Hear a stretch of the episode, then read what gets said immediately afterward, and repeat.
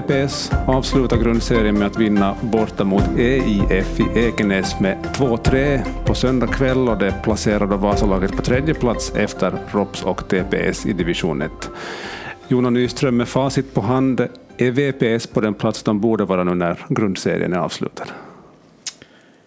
Ja, nog tycker jag att, att det är nog det här. Eh, skulle VPS ha presterat en lite jämnare säsong uh, försvarsmässigt lite, lite liksom solidare så skulle de ha lett serien vid det här laget.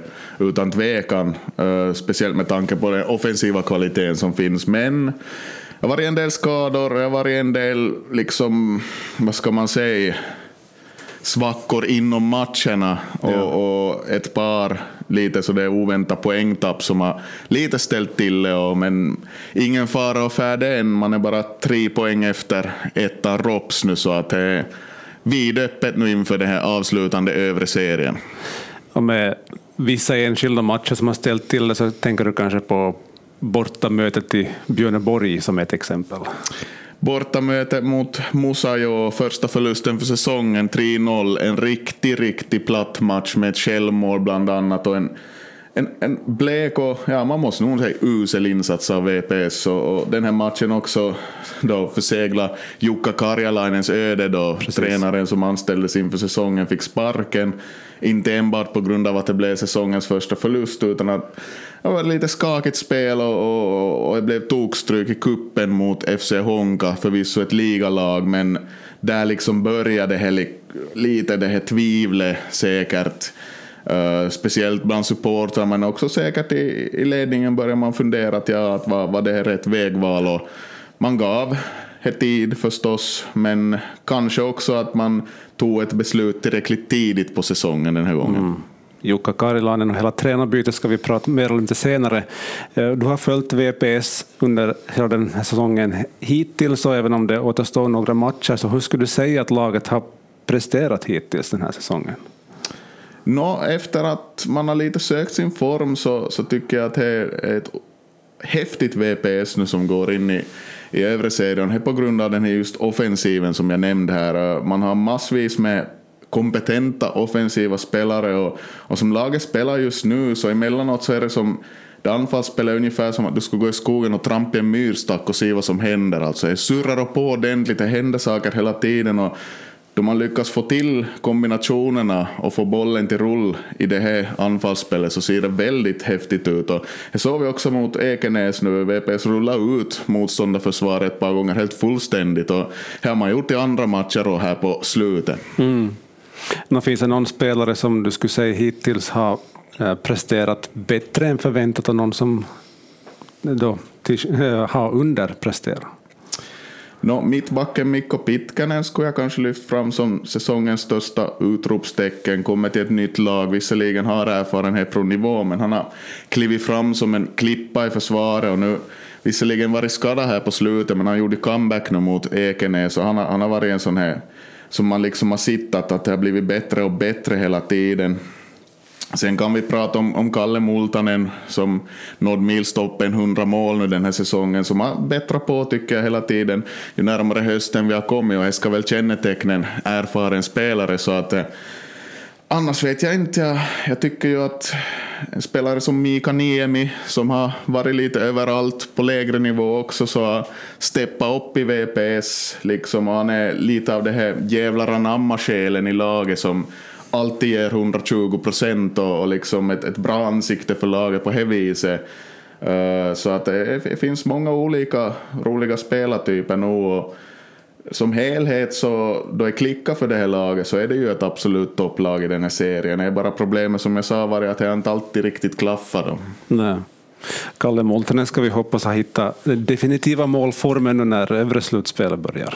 Absolut, och jag tror nog han fortsätter leverera. Han har varit som, känns som att han har varit aktivare på planen och mer involverad i spelet än vad han har varit tidigare. Och det tror jag också bygger just på det här att coachen Jussi Nuorela har gått in för ganska offensiva laguppställningar, flyttar upp mycket folk högt och då ger det också en anfallare som Kalle Multanen som ska operera i straffområdet med tid och yta eftersom motståndarna helt enkelt har fler spelare till bevak. Mm.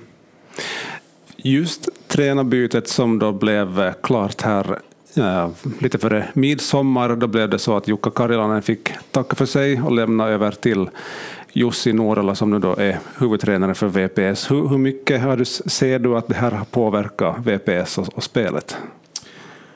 Ja, definitivt gjort. Ja. Som jag ska göra vid, vid ett tränarbyte. Och jag, jag tror att en sak som man märkte ganska tidigt var att, att VPS blev lite tryggare på planen, lite tryggare i sitt spel sen när man började hitta under Nuorela.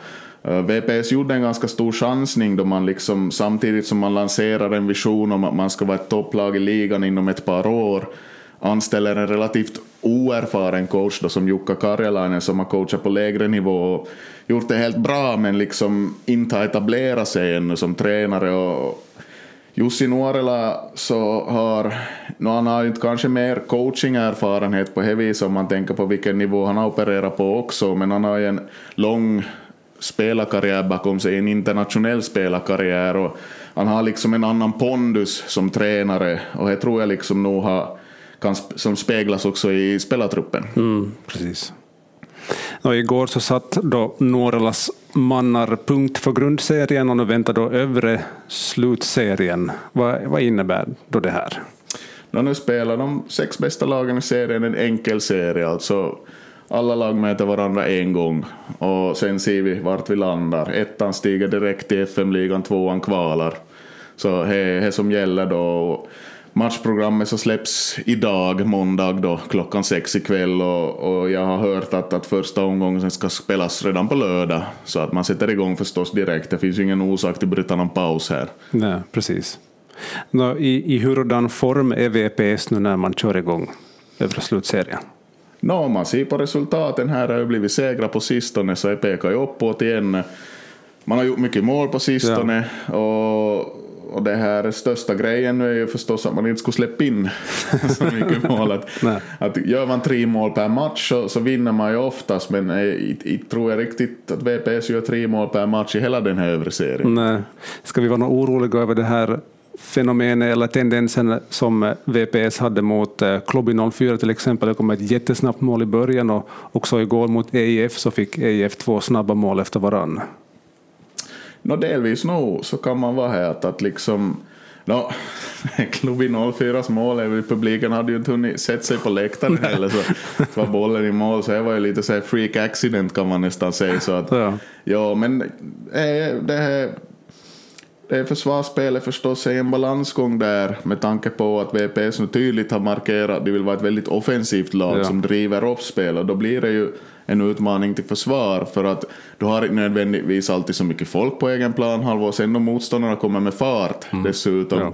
så blir det jätte, jättesvårt och, och till exempel klubben 04 nu fick ju sitt andra mål via en straff som mm. kom på en sån här kontring visserligen efter en hörna men ändå Eh, och EIF gjorde sina mål genom att bryta in i mitten och, och, fick ganska mycket yta där, så där var någonting som inte riktigt klaffade mellan backlinje och mitt, mittfält för VPS. Så det är ju definitivt en grej som måste fungera.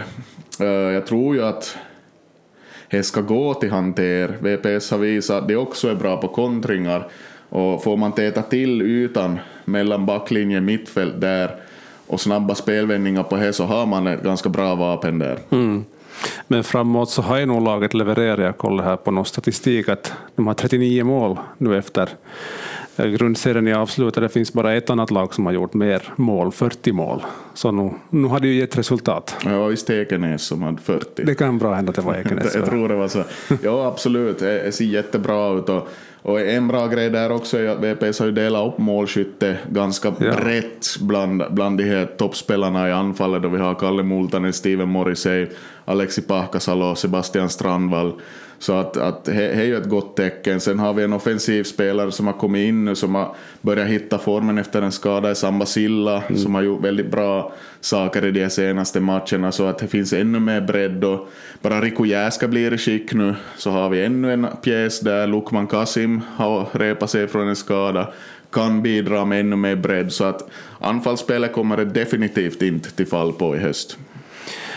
Det är tre, fyra lag som kan finnas med i toppstriden nu då vardera lagen har fem matcher kvar. Rops har i nuläget 42 poäng, TPS 40 och VPS 39 poäng och så finns Jarro där på fjärde plats med 34 poäng. Hur ska det sluta där?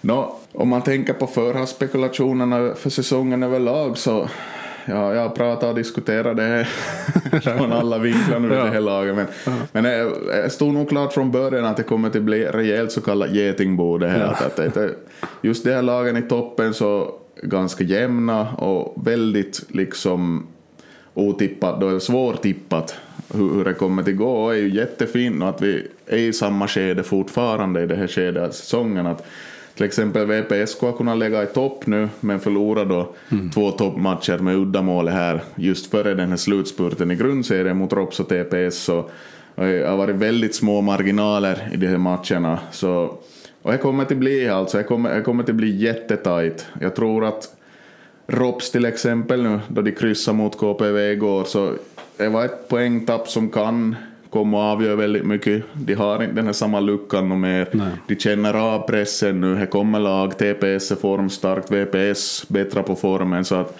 det kommer att bli, det kommer att bli häftigt. Mm. Jaro då? Jaro har haft en svår säsong men man vet aldrig nu vad de har gjort. Fem mål i Björneborg ja, mot ja. visserligen ett Musa som har kollapsat i, ja. i serien. Men som det saker kan vara jättestor för ett lag att liksom man får en islossning och speciellt som på bortaplan på det viset så inte ska vi räkna ut det heller inte. Nej. Vilka chanser ser du, eller vilka chanser och scenarion ser du för VPS nu då? Har de fortfarande möjlighet på direkt avancemang eller ska vi tänka att ROPS eller TPS är så pass starka att de kniper den eller är det andra platsen eller hur, hur, hur tänker du?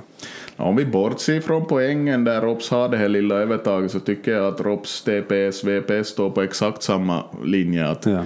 Det skiljer väldigt lite mellan lagen och med tanke på att VPS ändå är liksom ett budgetstartlag i den här serien så ska man förvänta sig att de ska ha antingen direkt avancemang eller andra kvalplatsen, det ska man absolut.